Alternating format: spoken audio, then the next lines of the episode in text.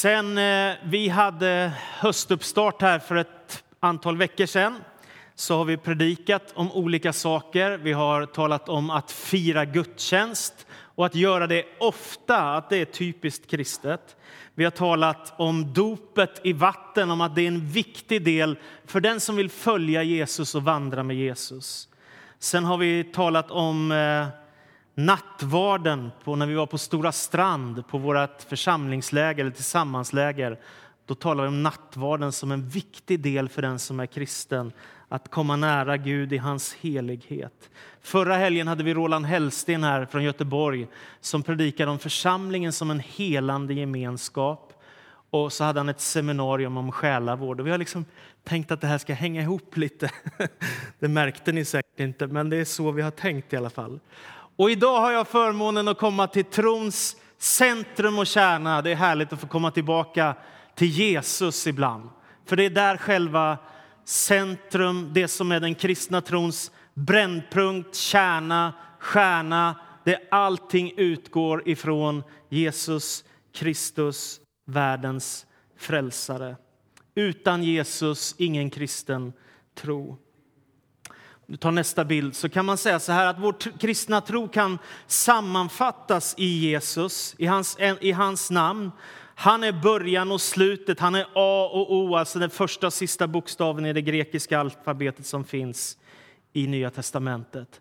Och genom Jesus Kristus så kallar Gud på alla människor i hela världen. Det är det som är tanken, att Gud vill tala till och påverka alla människor. Han vill kalla alla till gemenskap med sig själv. Därför kan man säga att kristendomens centrum det är lärjungaskapet, att följa Jesus, leva med Jesus, älska Jesus. Det är centrum i kristen tro. För fem år sedan ungefär så hade vi en grundkurs i kristen tro, en alfakurs som går igenom såna här viktiga ämnen i tron.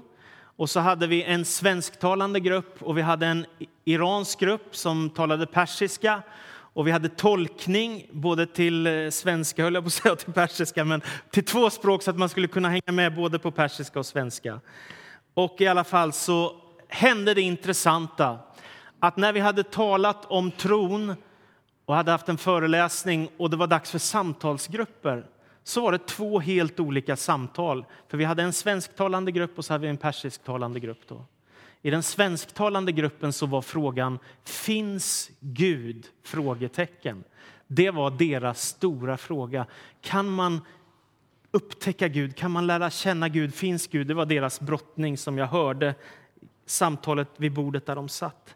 Sen kom jag till det persisktalande bordet, de som talar farsi. Och då, när jag lyssnade på deras samtal via tolk så förstod jag att det här är ett helt annat samtal. Gud är helt självklar. Men vem är Jesus? Det var det som var frågan. Är ni med?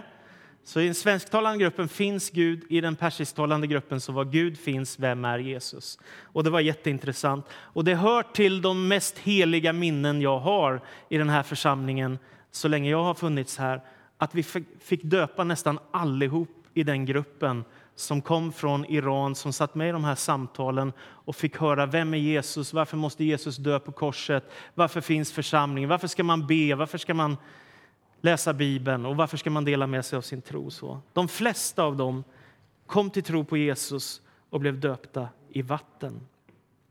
Det är det som fascinerar mig allra mest, när människor upptäcker Jesus. Och Jag har ett sånt där minne en gång också från när jag satt en gång med en skolelev i ett samtal och hon hade bara en sån här helt vanlig, som det låter så här halvtråkig skoluppgift och skriva ett referat om vad kristendomen är för någonting. Ni vet, det är så här lagom inspirerande låter det från skolans man måste göra. Liksom. Och så satt vi och pratade och så till sist så bad hon berätt, mig berätta vem är Jesus för dig?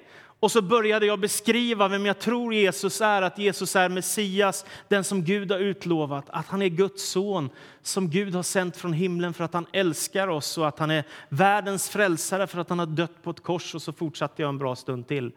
Och ju längre jag pratade, det, här, det är inte alltid det här händer, men just den gången hände det, så såg jag hennes ögon blev större och större och till sist tänkte jag hon fattar fattar vad jag menar. Det är något som händer i hennes hjärta medan jag talar, nämligen att tron börjar väckas i hennes hjärta. Vem är Jesus? Nu ska vi gå till Filipperbrevets andra kapitel. Och det är en av mina absolut älsklingstexter. Det står från vers 1 till 11 om Jesus och kärleken i Jesus så här. Om det alltså finns tröst genom Kristus, uppmuntran från kärleken och gemenskap från Anden, om det finns ömhet och medkänsla, gör då min glädje fullkomlig genom att visa enighet. Lev i samma kärlek, eniga i tanke och i sinnelag, fria från självhävdelse och fåfänga. Var ödmjuka och sätt andra högre än er själva. En liten enkel uppmaning. Tänk inte bara på ert eget bästa, utan också på andras. Låt det sinnelag råda hos er som också fanns hos Kristus Jesus. Han ägde Guds gestalt, men vakade inte över sin jämlikhet med Gud utan avstod från allt och antog en tjänares gestalt då han blev som en av oss. När han till det yttre hade blivit människa gjorde han sig ödmjuk och var lydig ända till döden, döden på ett kors. Därför har Gud upphöjt honom över allt annat och gett honom det namn som står över alla andra namn för att alla knän ska böjas för Jesu namn i himlen, på jorden och under jorden och alla tungor bekänna att Jesus Kristus är Herre, Gud Fadern till ära. Amen. Den här berättelsen, eller den här texten är skriven av aposteln Paulus en välkänd, väldigt viktig person i urkyrkans tid. Han var en välutbildad judisk teolog och han är från början en stark motståndare till Jesusrörelsen. Så om man läser i Apostlagärningarna där det berättas om urkyrkan så kan man se hur han förföljer de kristna därför att han tänker att det är en villolära, att det liksom leder vilse bort ifrån Gud, det som Gud har tänkt med Israels folk.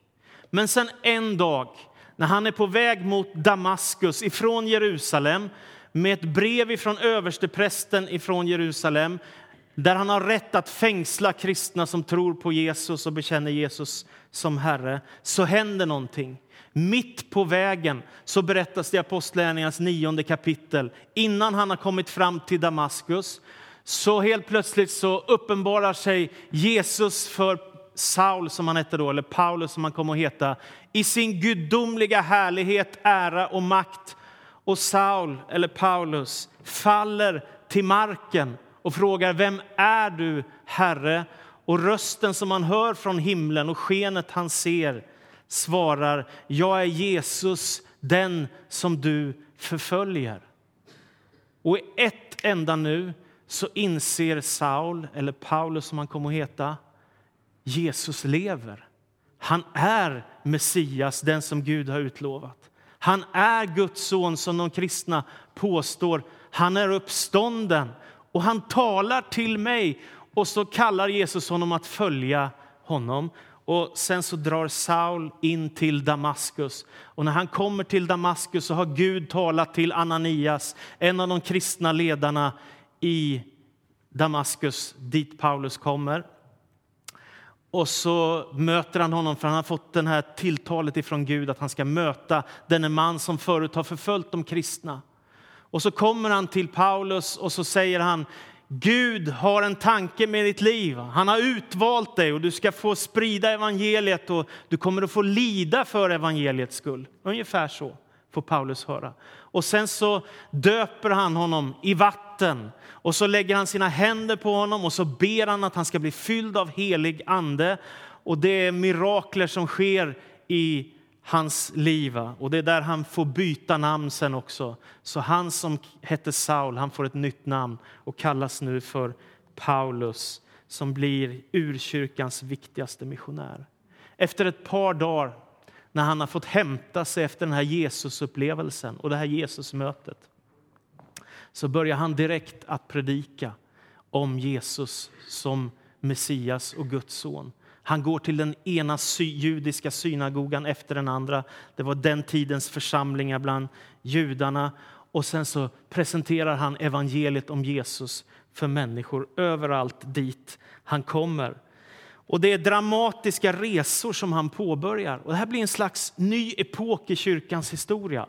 För helt plötsligt så sprids budskapet om Jesus från Jerusalem till Judeen, till Samarien och vidare ut över romarriket, till Turkiet, till Grekland, till Italien, till Spanien. Det går vidare och ner i Nordafrika och ut i Asien.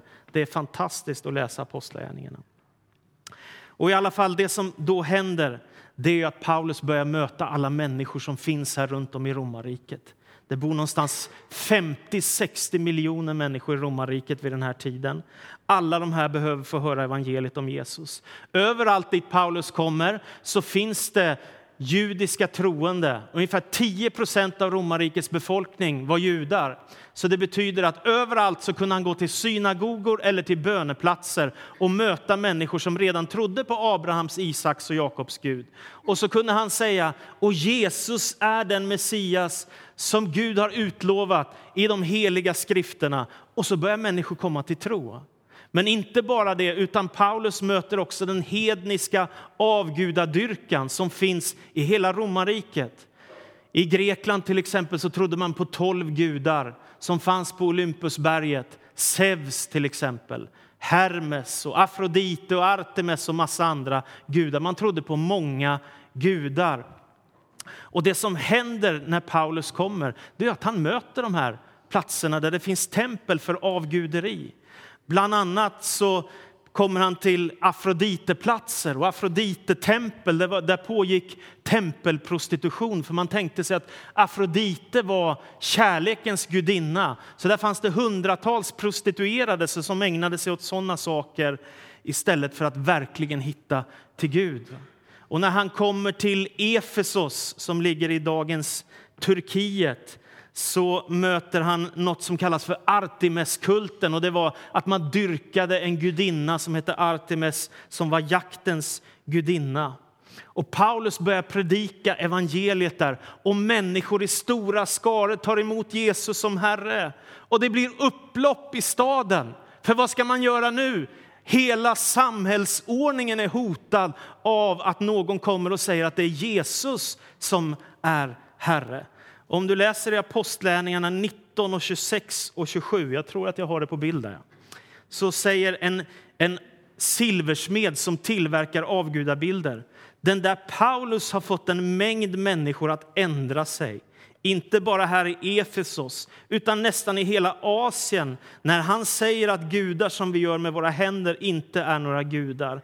Det är inte bara vårt hantverk som riskerar att få dåligt rykte. Vi kan befara att vår höga gudinna Artemis tempel mister sitt anseende och att hon själv blir berövad sin storhet. Och jag säger amen! Det är väl underbart? Avguderi, eller gudar tillverkade av människor är väl ingenting att leva eller dö på, eller hur? Och när Paulus kommer till Lystra till exempel så sker någonting, inte bara att de predikar evangeliet om Jesus utan de ber för en man som är lam och mannen blir frisk. Och I den här staden finns ett Zeus-tempel. Och Zeus var en av alla de där gudarna som man trodde på som skulle vara den högsta guden av alla. Så när prästen i Zeus-templet ser att Paulus och Barnabas har bett för en av hans sjuka vänner som har blivit frisk så kommer han med tjurar och blomsterkranser och tänker att han ska offra till Paulus och till Barnabas. För han tror att Gud har kommit hit va?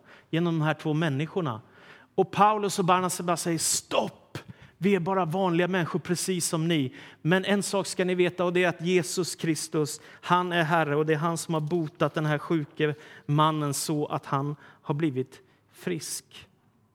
Så kommer Paulus till Filippi, den första europeiska staden som får höra evangeliet om Jesus någonsin. Filippi var en romersk koloni en av de viktiga städerna, städer, städerna för kejsaren i Rom. På två av sina missionsresor som Paulus reser på så kommer han till den här staden. Första gången han kommer till Filippi så letar han efter en synagoga men inser att det finns ingen synagoga i den här staden så jag måste leta reda på någon böneplats. Och naturligtvis hittar han det. Han hittar en böneplats nere vid en flod och vid den floden så sitter Lydia och hennes familj och hennes vänner. Och de ber till Gud precis när Paulus kommer.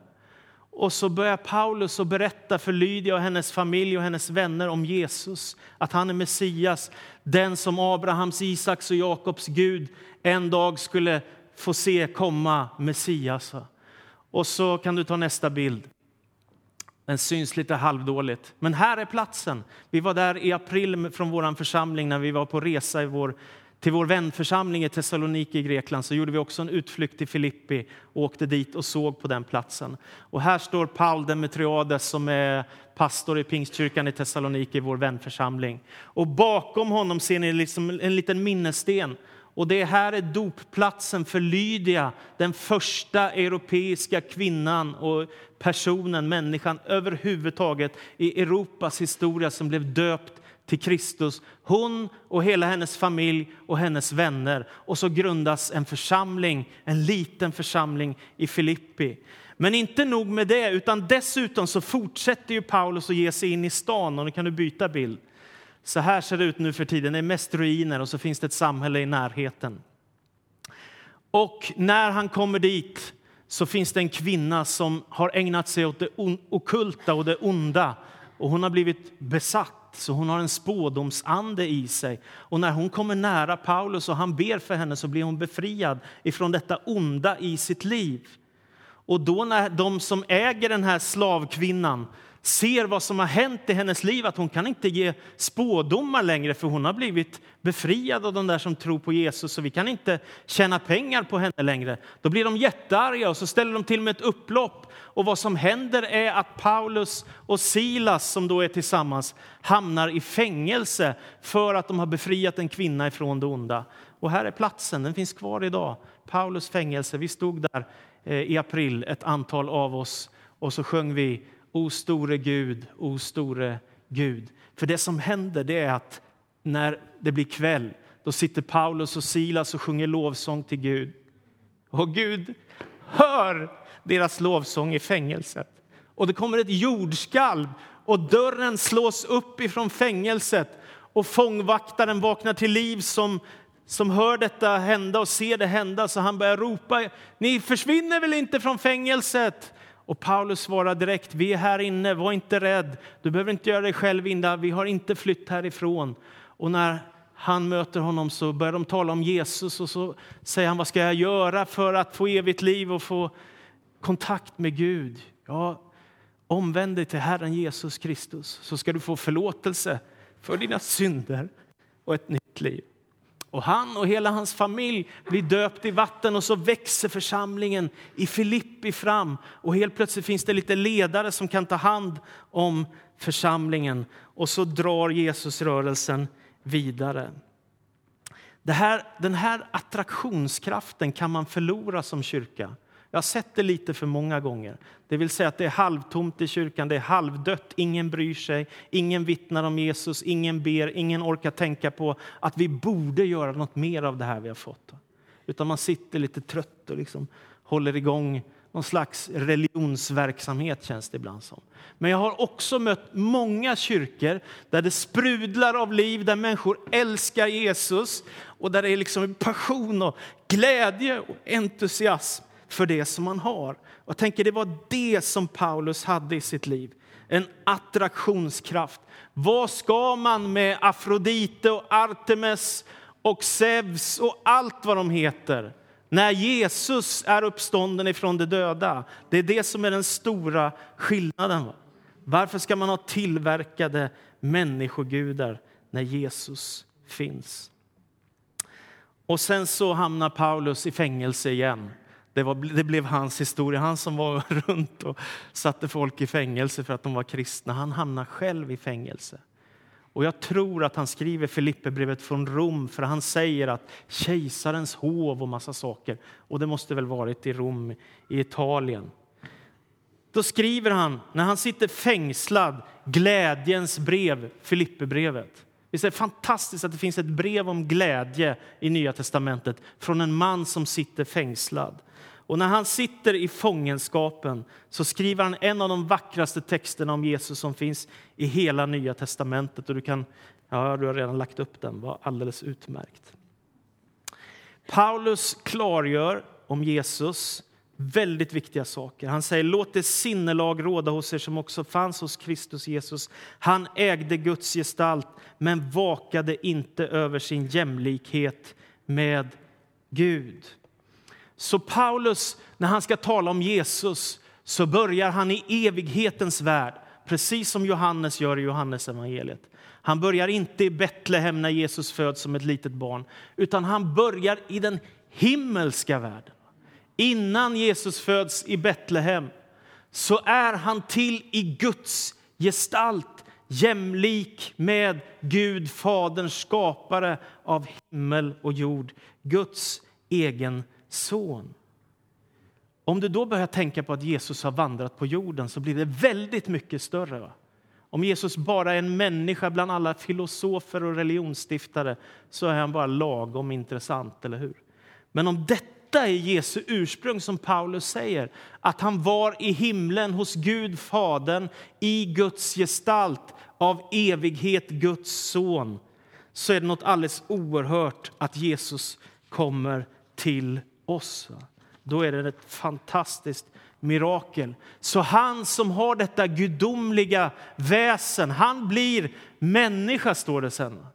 Han avstod från allt och antog en tjänares gestalt och han blev som en av oss. Så här är ett byte i Jesu liv. Han äger Guds gestalt i den himmelska världen. Han är jämlik med Gud, Fadern, skapare av himmel och jord. Och sen så tar han en tjänares gestalt och blir människa. Han blir som en av oss. Jag tror till och med det går att översätta slav, en slavs gestalt. Han blir som en av oss.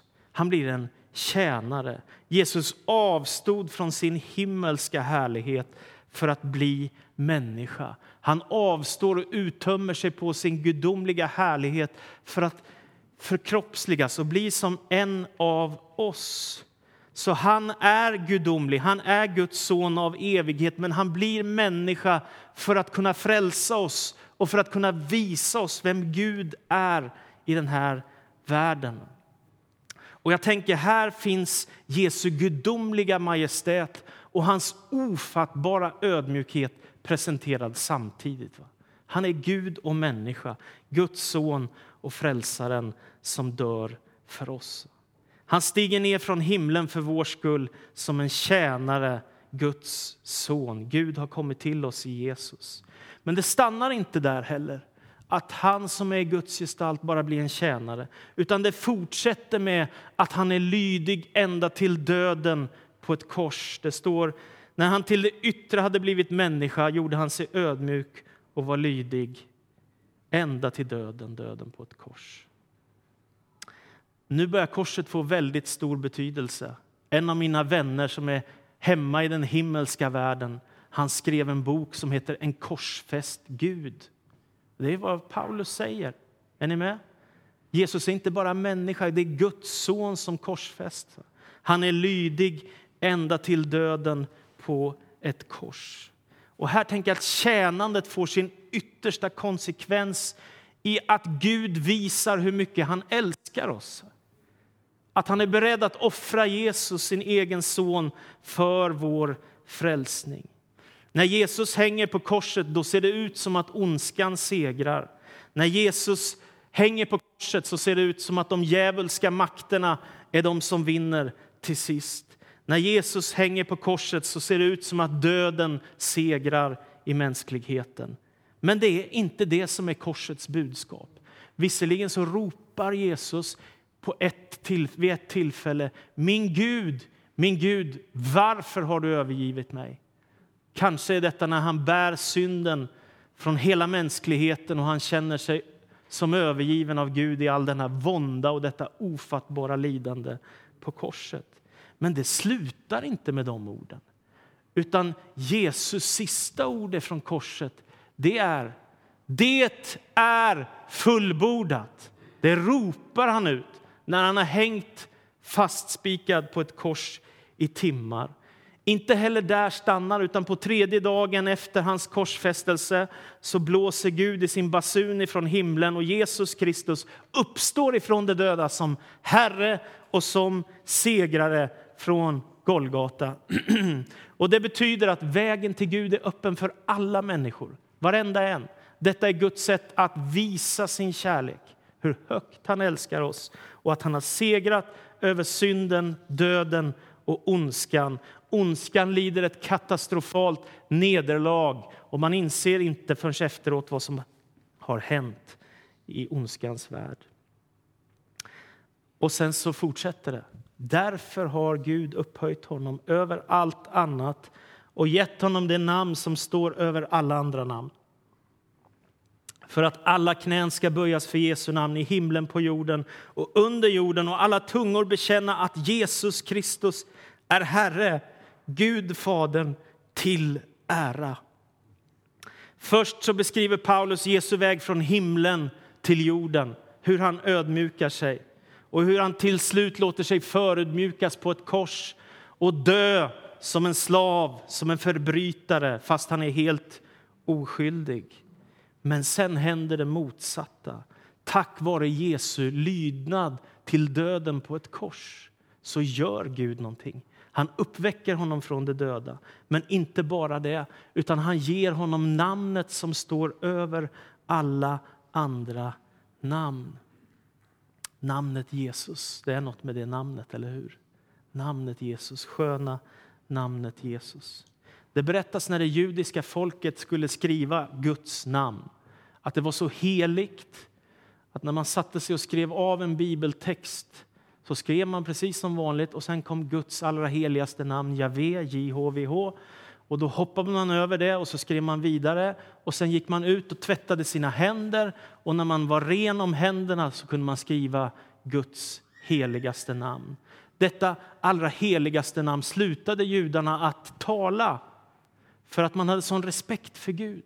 Bara en gång om året så var det så när översteprästen han som fanns i templet i Jerusalem gick in ifrån den yttre förgården till det heliga där de andra prästerna fanns och lovsjöng och offrade och skulle gå in i det allra heligaste som var allra längst in i templet och som hade en stor, ett stort förhänge där bara översteprästen fick gå in en gång om året och då med ett rep runt fotleden. Ifall han skulle dö så fick de inte gå in där, då fick de dra honom utifrån det allra heligaste. Där, en gång om året på försoningsdagen, så får han säga Javé, Guds allra heligaste namn, var barmhärtig mot ditt folk. Och så bad han böner om syndaförlåtelse för sitt folk på försoningsdagen en gång om året. Då nämndes hans namn. Nu säger Paulus att Jesus har fått namnet som är över alla andra namn. Och tänker, förstår ni vad han syftar på? Jag tänker han syftar på Guds allra heligaste namn. Och när Guds allra heligaste namn, Javé, står i Gamla testamentet så är det alltid översatt med Herren.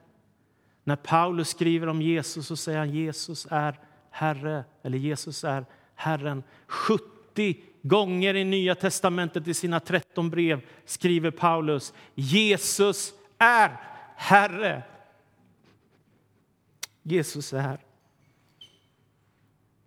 Därför att han har dött på ett kors har Gud upphöjt honom och gett honom namnet som står över alla andra namn. Och då säger Paulus, en dag så ska Jesus komma tillbaka. Och då ska alla människor på hela jordklotet, hur nu det ska gå till, förstå vem Jesus är. Under tiden här på jorden som vi lever nu är det många som har förstått vem Jesus är, men många har också inte förstått. Och det är en ständig utmaning för alla kyrkor i hela världen att människor ska förstå vem Jesus är. Men en dag, säger Paulus, så kommer alla människor att förstå vem Jesus är. Och då står det att alla knän ska böjas för Jesu namn.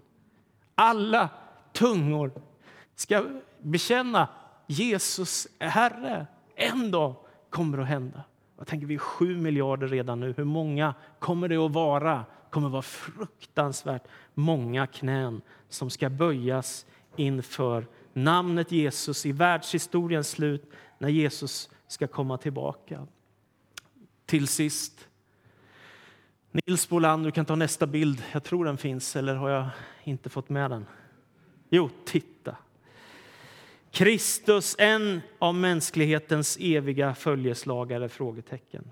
Ett av namnen på en strålande elitlista. Sokrates, Buddha, Mohammed, Augustinus, Franciscus? Frågetecken. En staty att ställa upp i ett Pantheon tillsammans med andra heroes?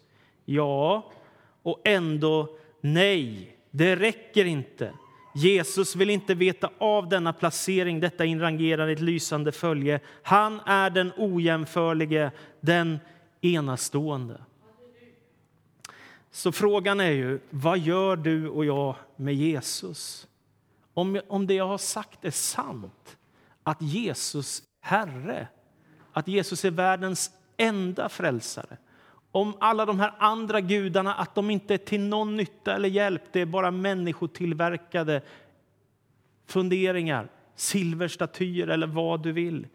Men den kristna trons ofattbart radikala budskap är det finns en Herre och hans namn är Jesus.